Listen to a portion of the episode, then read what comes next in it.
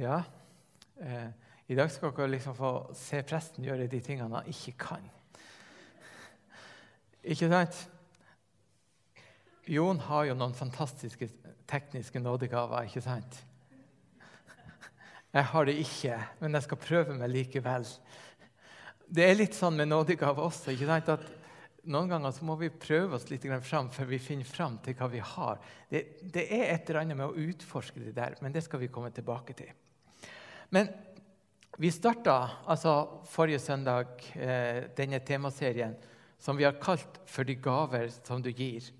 Og jeg tenkte vi skal rett og slett synge en bønn før jeg begynner. Og den er så enkel som det her. For de gaver som du gir, takker vi deg, Gud. Du som hører når vi ber, priset være du. Flott bønn å starte denne serien med. Og denne serien som eh, Jon starta forrige gang, den eh, går over tre ganger. Og hvis dere husker litt hva Jon fortalte, så var Jon sitt utgangspunkt dette med hvorfor er dette med nådegaver så viktig. Og eh, ut av de poengene som han hadde sist, så var det ene dette at nådegavene de er gitt oss av Gud fordi at vi skal bruke dem i tjeneste for Han. Gud gir av sine gaver til oss for at vi skal bruke dem i tjeneste for Han. Og Jon brukte også et annet bilde, og jeg skal komme litt inn på det for, bare for å sette det i en eh, sammenheng. Han eh, hadde med konfirmanter oppe i Trondheim vært på brakka i, eh, på Rosenborg og gjort noen intervjuer. Og Rosenborg sin filosofi har blitt kalt for godfotfilosofien. Eh, og den går enkelt ut på dette at hver enkelt spiller i Rosenborg skal utvikle og utnytte sin spisskompetanse. Og så skal de andre kjenne til den spisskompetansen. Og så skal man sette sammen et lag der man eh, spiller på de andre sine styrker, slik at man som lag fungerer best av alt. Og Det er jo en fantastisk måte å tenke også omkring nådegaver på, fordi at, eh, at vi er forskjellige som mennesker, og Gud gir oss forskjellige nådegaver. Men når vi oppdager de nådegavene vi har, og at vi bruker de, og at vi bruker den variasjonen av nådegaver som finnes i fellesskapet, så vil menigheten fungere på den aller beste måten.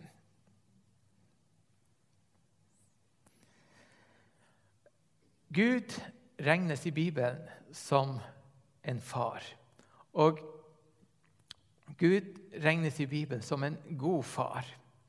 Og Når han regnes som en god far, så betyr det også at han gir av sine gode gaver til oss.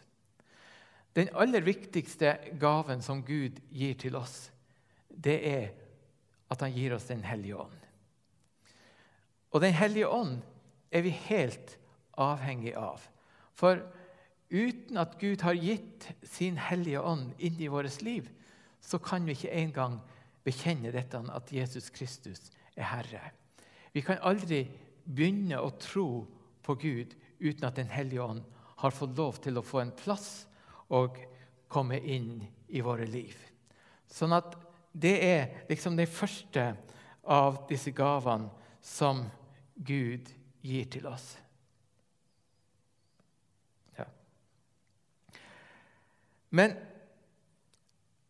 Gud gir oss også flere gaver. Og disse gavene gir Gud oss fordi han ønsker å utruste oss til tjeneste for seg. Altså, Det handler om dette at Gud ikke bare ønsker å vise at han bryr seg om oss, men han ønsker at vi skal komme inn i hans plan, inn i hans rike, og der få lov til å være med og tjene Han. Og de gavene som Gud gir oss, de er egentlig ganske mange. Og Når det gjelder disse nådegavene, så er det slik at det er så utrolig mange som har skrevet om nådegaver. Det er mange som har talt om nådegaver. Og eh, det som jeg nå kommer til å si, det er mye bygd på ei bok som eh, Christian Svarts har skrevet. Eh, denne boka heter 'Nådegavenes tre farger'. Kommer sikkert opp på veggen ganske snart. Og den boka er en veldig god teologi rundt dette som har med nådegaver å gjøre. Den har en evne til å ta for seg hele rekka av nådegaver. Og eh, hvis du vil, så kan du, For å fordype deg mer i dette temaet så kan du kjøpe den boka. Den, den har vi ute, og den koster 248 kroner. Men det som er fint med den boka, er også det at det gir deg en mulighet til å ta en nådegavetest. Du svarer på noen spørsmål, og de spørsmålene vil gi deg en indikasjon på hvor dine gaver egentlig ligger. Og eh, så er det mulig i ettertid av dette å følge det opp med samtale og eh, få vite litt mer om akkurat det. Men for å ta dette ordet nådegave eh, Det greske ordet for nådegave er det ordet charisma. Eh, nåde er charis, nådegave er charisma. Og Det er et ord som brukes eh, ganske mye. Men poenget med dette eh, ordet er at dette er gaver som er gitt til oss av nåde. Det er Gud som i sin suverenitet gir disse gavene og på den måten viser sin nåde imot oss. Så det handler ikke om at nå er vi heldige hvis du får en nådegave og er kommet inn på, eh, på julenissen sin liste, og så får du liksom det som du ønsker deg. Nei, Gud gir disse gavene aldri ut ifra hva vi fortjener, men Gud gir disse gavene til oss fordi at han vil vise oss nåde, og fordi at han trenger oss. Og Derfor er det viktig at eh, eh vi skjønner dette poenget her. Gud elsker oss. Gud har omsorg for oss. Gud vet hvordan vi er skapt, og hvilke egenskaper og evner vi har. Gud er nådig mot oss, og derfor så velsigner han oss også med forskjellige nådegaver. Men nådegaver har også en eh, definisjon. Nå må jeg gå et bilde eller to fram. Eh, den definisjonen er det Christian Svarts, som har skrevet denne boka, uh, har brukt. Og jeg syns at denne, uh, denne, definisjonen er ganske eh, talende. En nådegave er en særskilt evne som Gud av nåde gir til ethvert lem på Kristi legeme, og som må settes inn i arbeidet med å bygge opp menigheten. Det sier de tre viktigste tingene om funksjonen til en nådegave. For det første den er gitt av nåde. For det andre at den gis til ethvert lem. Altså, det er ikke noen som har tatt imot Jesus og som bekjenner Jesus, som ikke har fått en nådegave. Det kan være mennesker som ikke har oppdaga hvilken gave de har fått, men Gud gir noe til alle. Og de gavene de skal settes inn for å bygge menigheter. Så disse gavene neste bilde, disse gavene er ganske enkelt gitt fordi at vi skal fungere på Kristi kropp. Bibelen bruker dette bildet ganske ofte når, eh, når en snakker om Guds menighet, om en snakker om Guds folk når han snakker om de kristne, så sier han dette at dere er som en kropp. Dere hører sammen. Og en kropp, vet vi alle sammen, har, eh, har ganske mange forskjellige funksjoner. Det er ikke slik at alle tingene på kroppen skal gjøre akkurat det samme. Den har veldig mange funksjoner. Og Det vitner også noe om at det spennet av nådegaver som finnes, det er liksom ikke noen få som vi tenker, og så tenker vi at det er en nådegave. Det handler om dette at vi blir satt på plass inn i denne kroppen for å fungere i den.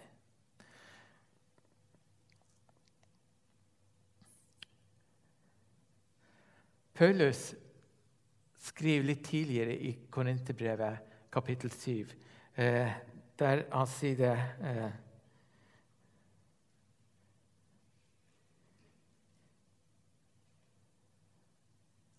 ja, Nei, det var litt feil. Paulus skriver det til menigheten ikke sant? at det er forskjellige nådegaver, men ånden er den samme. Og Med det skal vi forstå at selv om vi får forskjellige gaver, så er det den samme ånden som virker i dette. Det er ikke slik at, eh, ikke slik at hvis du får én nådegave, så har du én ånd, og så er det en annen som får en annen nådegave, så har han en annen ånd. Og Videre så sier han dette at det er forskjellige slags tjenester. og Line leste det, eh, Lina leste det for oss. Det er forskjellige tjenester, men Herren er den samme. Og det er forskjellige kraftige virkninger, men Gud er den samme, han som er virksom og gjør alt i alle. Men Paulus han, eh, han skriver litt eh, tidligere i Korinterbrevet, og jeg var litt rask i stad. Der skriver han det på denne måten, slik.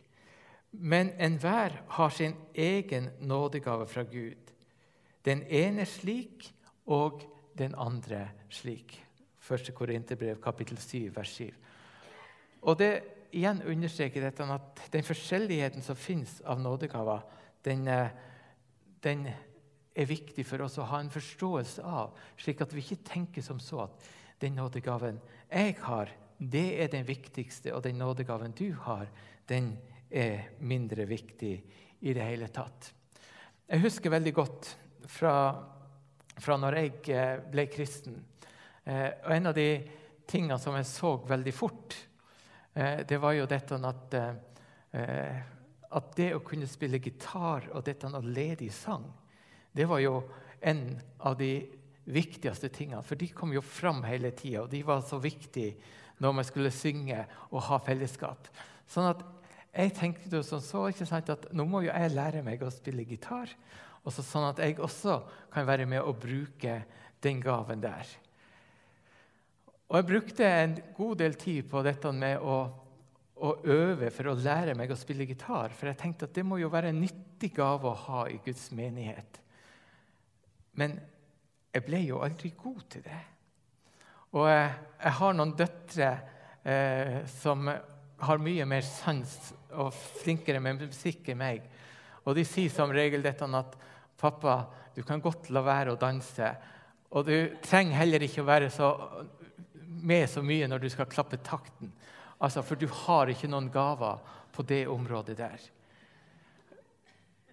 Og det er jo en flott erkjennelse å kunne oppdage dette, at det er en del ting som man har. Det kan være nyttig å ha en, en slik evne å kunne spille og, og lede i sang, men at det i hvert fall ikke er en gave som er en nådegave i mitt liv. Og når det gjelder nådegavene neste bilde, Eh, så er det slik at eh,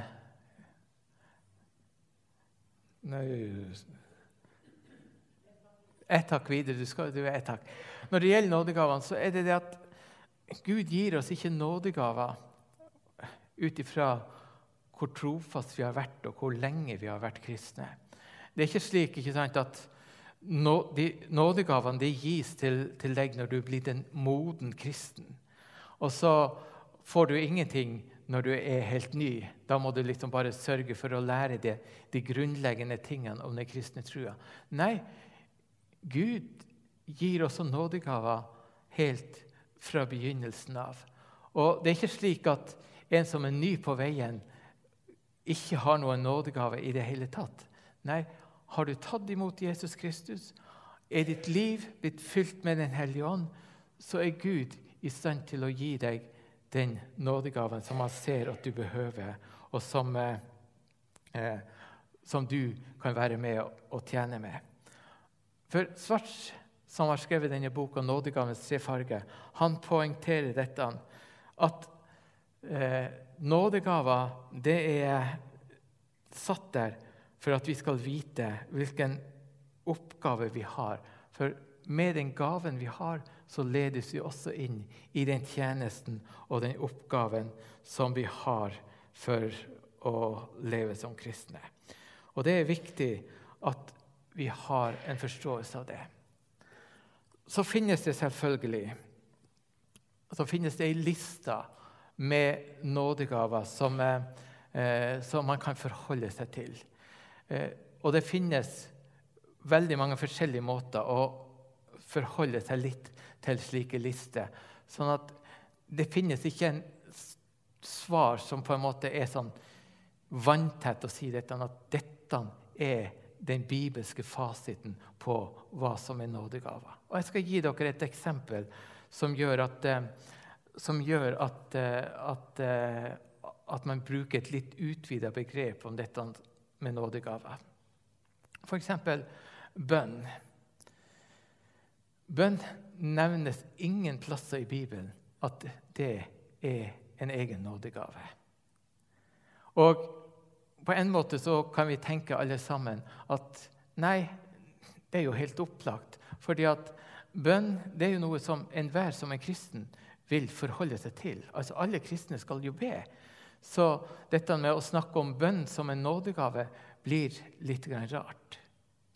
Men erfaringa viser jo samtidig akkurat dette at noen mennesker har fått en helt spesiell oppgave når det gjelder dette å be for andre. En forbønnstjeneste, en bønnetjeneste, som er langt utover det som vi som vanlige kristne forholder oss til. Og Noen ganger så kan det til og med hende at vi kommer i kontakt med mennesker som har denne bønnens nådegave. Og Når vi hører dem be, eller når vi hører om hvordan de ber, så blir vi så motløse i det hele tatt, for vi tenker at de ber jo ordentlig, og vi ber ikke i det hele tatt. Men de har fått en spesiell gave. Og Det er ikke det som er det vanlige for oss. Men vi skal utvikle vårt bønneliv som best vi kan.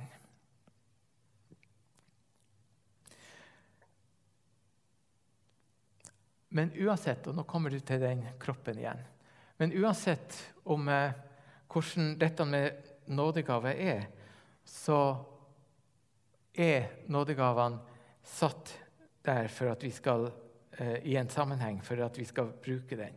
Den er satt der for at, være, for at vi som kristne skal kunne fungere sammen og fullføre det kallet som Gud har gitt til Guds menighet også denne, på denne jord. Så disse nådegavene som Gud har gitt, de er ikke nødvendigvis begrensa til at de bare skal brukes når vi er sammen, og når vi er i en menighetssammenheng. De skal også brukes ute i det samfunnet og blant menneskene som er rundt oss. Altså, Vi skal ikke bare vise barmhjertighet mot de som kommer til kirka, men barmhjertighet det viser vi til alle. Når det gjelder dette å fortelle om Jesus og evangelisere, så er ikke det en nådegave som vi bare skal bruke når vi er sammen som kristne. Men det er en gave som vi skal bruke også når vi er ute i andre sammenhenger. Altså, Gavene som er gitt, de er gitt for at hele menigheten skal fungere etter det som var Jesus' plan for oss alle sammen. Og Paulus skriver dette, at kroppen, eh, som er det bildet på det, er det viktig at vi forstår at det handler ikke om at det bare er én kroppsdel. Paulus bruker dette, eh, dette bildet ganske enkelt med dette at kroppen består av veldig, veldig mange forskjellige deler. Og hver enkelt kroppsdel er, er viktig. Og vi trenger det mangfoldet av nådegaver inn i en menighet. Det er ikke sånn at en menighet fungerer best om den har mange som kan stå foran her og forkynne godt og overbevise mennesker om det som har med den kristne tro å gjøre. En menighet fungerer når alle gavene er der. For hvis det bare var forkynnergaver, læregaver eller sånne ting som fungerte, hvor ble det da av musikken? Eller hvor ble det av bønnetjenesten? Eller hvor ble det av eh, de som tok seg av og besøkte de som hadde behov for det? Eller hvor ble det av de som tok seg av barna og prøvde å lære dem opp i den kristne tro? Alle gavene henger sammen, og vi trenger dem for at, uh, for at det skal fungere i menigheten. Og det er viktig at vi også skjønner akkurat det. Så kan det også hende at Gud har gitt deg en nådegave fra begynnelsen av. Og så ser Gud dette at inni den sammenhengen der du er, inni det fellesskapet der du er, så behøves noe ekstra.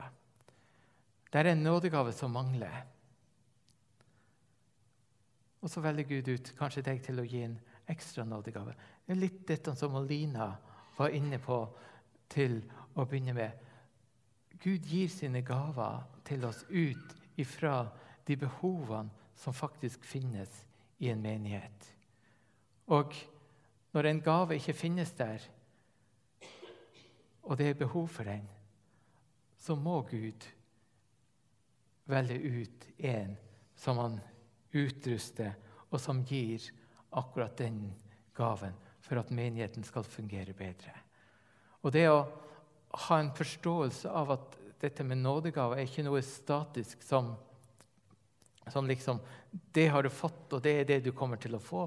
Men at vi forstår at det er noe som vi har fått, og Gud kan gi sin nåde senere også gi det andre ting.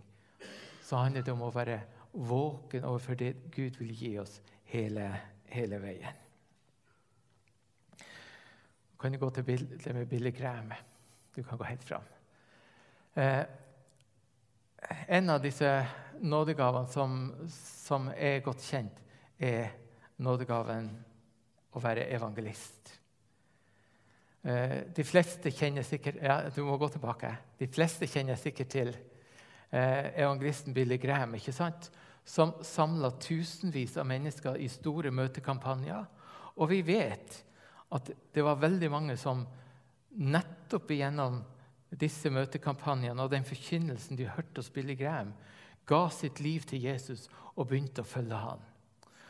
Og det er jo noen ganger slik at vi tenker OK eh, Hvis jeg da har fått en evangelists nådegave, da, det, da fungerer den akkurat slik som den gjorde hos Billy Graham.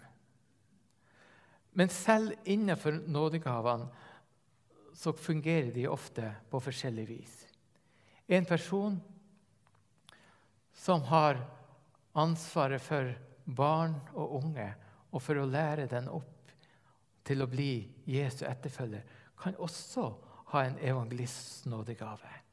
For en evangelists nådegave handler ikke om settingen og hvor stort det er, men det handler mer om dette at på en evangelists hjerte så er det en lidenskap for å snakke med folk på en slik måte at de forstår at Jesus er en levende person som elsker dem, og som de må komme inn i et forhold til. Om det skjer på den ene eller den andre måten, så er det likevel slik, eh, så er det likevel slik at man har denne nådegaven. Og noen har denne evangelistens nådegave med at de går ut på gata og de snakker med folk, og de møter folk, og de snakker med de én og én. Men de har den samme nådegaven. For innenfor nådegaven så er det ikke sånn at det er et mønster som sier at akkurat slik fungerer denne nådegaven. Nei, nådegaven fungerer inn i den sammenhengen der vi er satt. Så kan du gå til neste bilde. Er det noen som ser hvem det der er?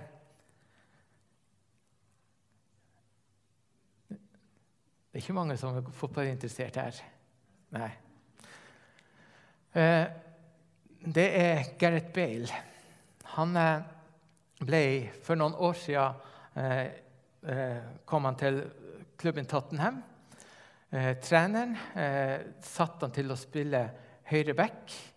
Og han viste seg etter hvert at han fungerte ganske dårlig i den stillinga der. Sånn at treneren han tenkte som så Vel, Eh, vi får selge Gareth Bale, og så får vi skaffe oss en annen som har disse egenskapene og disse kvalitetene som trenges for å spille på høyre back i Tottenham. Så skjer dette at treneren han blir avsatt, og de får en ny trener. Eh, denne nye treneren eh, ser på Gareth Bale med nye øyne, og så sier han det. Nei, Gareth han har egenskaper til å spille på høyre kant i angrepet, og ikke som back.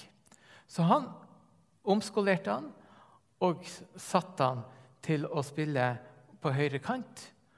Og Gareth Bale blomstra som en spiller. Og han blomstra slik at Real Madrid, som er en av de større klubbene, bladde opp masse penger for å kjøpe han. Det forteller noe om at det å bli satt i den riktige posisjonen og få lov til å tjene med det som vi har fått, det er alltid det mest fruktbare og det mest effektive. Det betyr ikke nødvendigvis ikke at vi noen ganger er nødt til å gjøre ting som vi ikke har gaver til for at en menighet skal fungere, men det er alltid best når det fungerer på den måten der.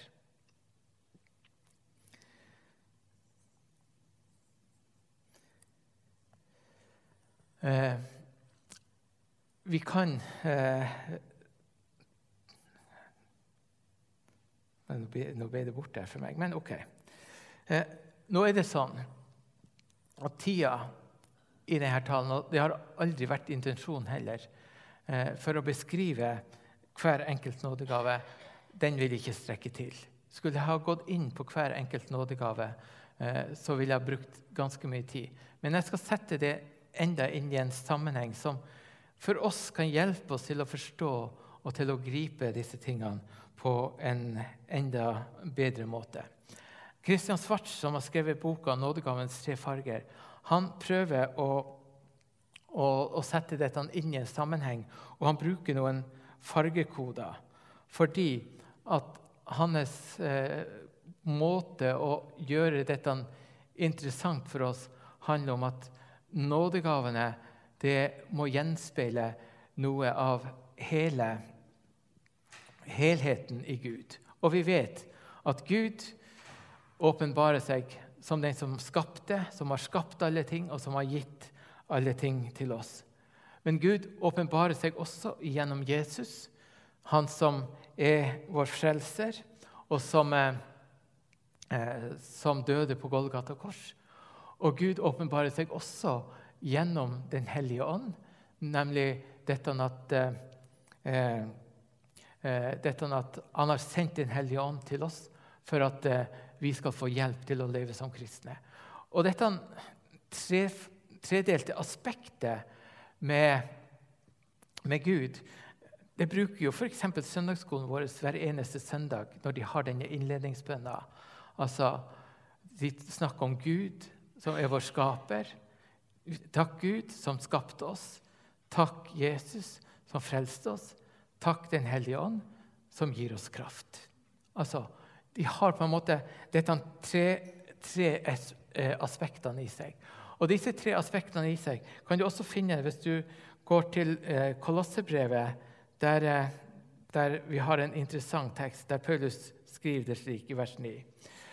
Eh, fra den dag vi fikk høre dette, har vi ikke holdt opp med å be.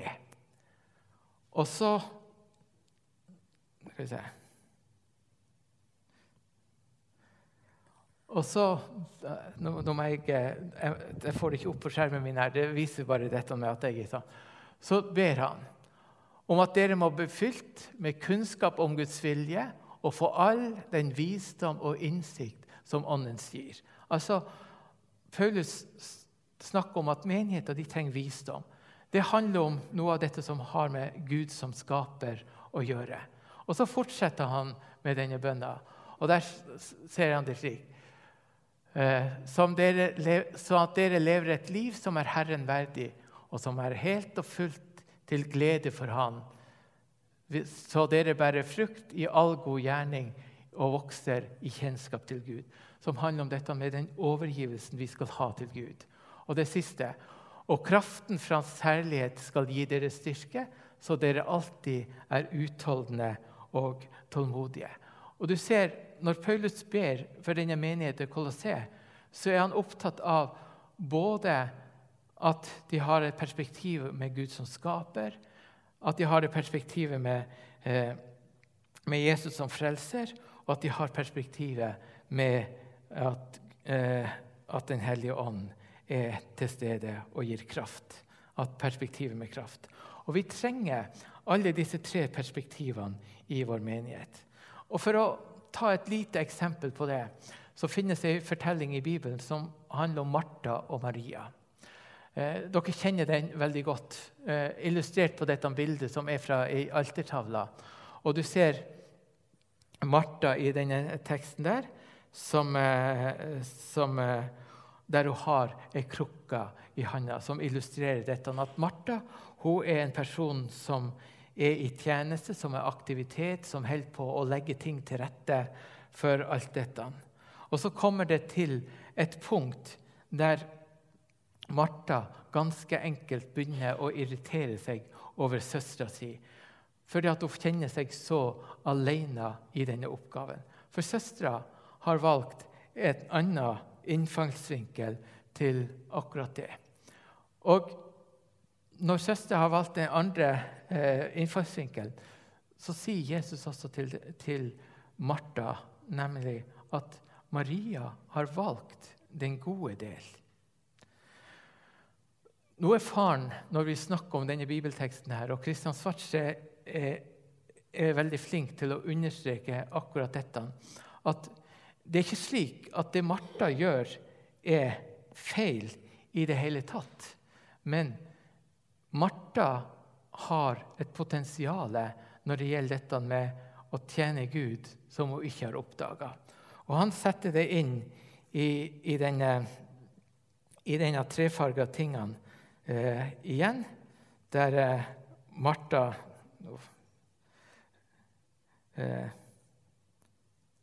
hvor, var, hvor, nå var det, ble det helt borte for meg. Jeg, jeg tror presentasjonen var der, der, Han setter det inn i en, in, i en, situasjon der han sier dette, at det Martha virkelig er flink på, det er dette med overgivelse. Martha er flink på dette som har med overgivelse å gjøre.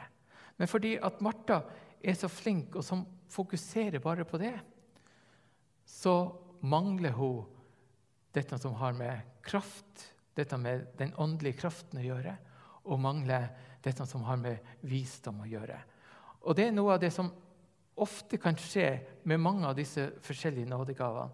er at Om ikke disse nådegavene kommer inn i en, i, på en sånn måte at de, kom, at de, blir balansert, så kan noen nådegaver faktisk også virke både skremmende og ødeleggende på folk. Eh, Tonje Haugetus Stang hun bruker dette eh, eksempelet, som jeg syns er et veldig godt eksempel, eh, når hun snakker om dette med hjelpetjenester. Hjelpetjenester er en nådegave der, der, man rett og slett bare ønsker å være med og hjelpe til. Og man ser hva man kan hjelpe til med, og man går inn og gjør dette. Og så handler det likevel om at du må ha en forståelse om hvor og når du skal hjelpe til. Og hun forteller om en en, en, som gifter seg. Og på veien eh, når de kjører fra bryllupet, og de har hatt en lang dag, så kjører de forbi en som har punktert. En person som har hjelpetjeneste, hva vil han gjøre? Han ser jo at her kan han hjelpe. Så han går ut, han har en kjeledress i bilen, skifter klær og hjelper denne. Og i bilen sitter selvfølgelig ei brud som er ganske skuffa. For at han hadde ikke hatt den åndelige følsomheten og visdommen inni akkurat den situasjonen der. Slik kan det være når nådegavene blir ubalansert i våre liv. Så Kristian Svarts bruker dette. Men han deler nådegavene. Han deler nådegavene inn i tre eh, forskjellige grupper. Og det kan være greit for oss å, å vite litt om akkurat det. Han sier dette, at det finnes noen nådegaver som vi kan kalle for at det er utviklende nådegaver.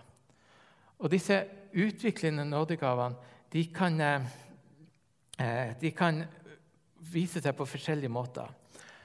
En av disse, eh, en av disse undergruppene på utviklende nådegaver det handler om dette å utvikle det kristne miljøet. Under dette vil man kunne si at nådegaven til å gi kan eh, ligge under det. Nådegaven til gjestfrihet kan ligge under det. Nådegaven til å være barmhjertig imot folk ligger under det. Og nådegaven til dette med frivillig fattigdom, dette med å gi avkall på seg sjøl, det, det, ligger i dette som kan være utviklende for det kristne miljøet. Så finnes det også noen nådegaver som handler om dette å utvikle eh, ideer og systemer. Ideer og systemer som gjør at man kan få organisert menigheten på en slik måte at, eh, at eh, den fungerer på den best mulige måten. Her er nådegave som visdom underlagt, ligger under det. Dette med å organisere. Og dette med eh, kunnskap kan brukes inn i dette. Og Noen eh, nådegaver kan være med å, å, utvikle det som er meningsfylt, og det som er vakkert. Her vil dette som har med kunst, det kunstneriske, det er håndverk, dette med musikk Det er nådegaver som ligger under slike utviklende nådegaver. Så finnes det noen nådegaver som, vi kaller for delende nådegaver. Delende nådegaver det handler om dette med å forkynne. Det handler om dette å hjelpe menneskene til å få en større og en dypere forståelse av hvem Jesus er. Det er nådegaver som dette med å, å dele evangeliet altså evangelisering og misjonær. Det er dette med å dele framtida. Det handler om dette med å tenke mer strategisk hvordan Guds menighet skal utvikle seg. Og Her er både dette med apostel, dette med leder, undervisning, dette med hyrde er slike gaver som er der. Og det handler om disse nådegavene som, eh, som går på dette med å dele byrden. Altså dette med å hjelpe og dette med å tjene og en nådegave som egentlig man burde brukt en hel dag på for å, at man ikke skal misforstå hva det handler om. Eh, dette som har med enslig stand å gjøre. Eh, det får dere heller spørre meg om, for det skal jeg forklare litt mer hvis det, er noen som har behov for akkurat det. Og så til, til slutt så er det disse fornyende nådegavene. Det er disse nådegavene som er med på å demonstrere Guds eh, eh, Guds overnaturlige evner og kraft. Det skal være med å fornye tilliten til Gud. Det kan være nådegaven tro. Og igjen en nådegave som eh, tro. Alle kristne tror vi, men det er også en nådegave tro som handler om noe mer enn akkurat det. Eller det kan være dette som har med dette å bedømme åndsåpenbaringer, for å si det sånn. Eh, når det gjelder dette med å fornye forholdet til Gud. Tungetale, tydning av tungetale og, og, og, og, slike ting. Og dette med å fornye dette som har med Guds kraft å gjøre på en spesiell måte. Helbredelse, eh, mektige gjerninger osv. er gaver som ligger under akkurat det. Men poenget med alle disse nådegavene det er dette at de er gitt for at de skal være med oss og bringe hele fylden av Guds nådegaver inn i en menighet. En menighet vil best fungere når alle nådegavene faktisk er til stede og blir brukt. Hvis vi mangler noen, eller vi overfokuserer på noen, så kan vi fort bli ganske ubalanserte som, eh, som menighet. Og det er viktig for oss å ha. Det handler både om visdom, det handler om overgivelse, og det handler om kraft når det gjelder dette øh, å være en menighet i vår tid som er etter Guds hjerte.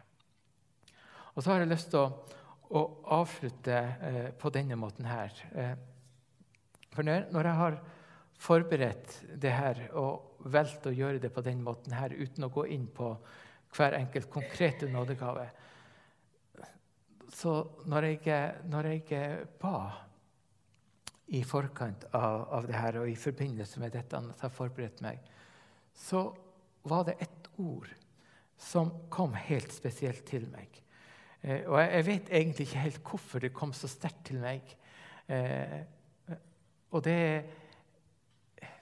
Men jeg har lyst likevel til å, til å trekke det fram, fordi det, det, det, er nødvendig å gjøre det. Eh, Paulus han snakker til sin unge venn Timoteus. Og når han snakker til sin unge venn Timoteus, så, så sier han til denne unge vennen Timoteus at tenn på nytt den nådegave som ble gitt deg ved håndspåleggelse. Og jeg skjønner egentlig ikke helt hvorfor det skal være et budskap til oss som er her i Narvik, som på en måte har en ganske rik tradisjon på dette med å bruke nådegaver, og det har fått lov til å være rom for det over lang, lang tid. Og så kommer liksom dette ordet til meg. Tenn på ny den nådegaven. Og da tenker jeg da er vi nødt til å gi det rommet der vi kan få lov til å innvie oss på nytt og si Gud, den gaven som jeg en gang hadde, men som jeg ikke bruker i dag Tenn den opp på ny. Jeg er villig til å bli brukt av deg igjen. Tenn den opp på ny. Jeg er villig til å bli brukt av deg igjen. Og kjenner du at ok, jeg har ikke hatt noen nådegave før, og jeg vet ikke om jeg har noen nådegave i det hele tatt, eh, så er det lov til oss å komme fram og bøye seg og bli bedt for. Gud, vis meg hvilken gave du har gitt meg, sånn at jeg kan få lov til å være med og tjene i ditt rike. Så nå leder de oss i en sang, og så er det uh, fritt for dere. Vil dere komme fram? Knele ned og bli bedt for, så er det lov til det. Vil dere bare være for dere sjøl og bruke alterringen de andre på siden, så, så gjør det. Men, eh, men, la oss være i bønn og innvielse. Og når vi synger denne første sangen nå, syng den som en bønn. For det er det det er.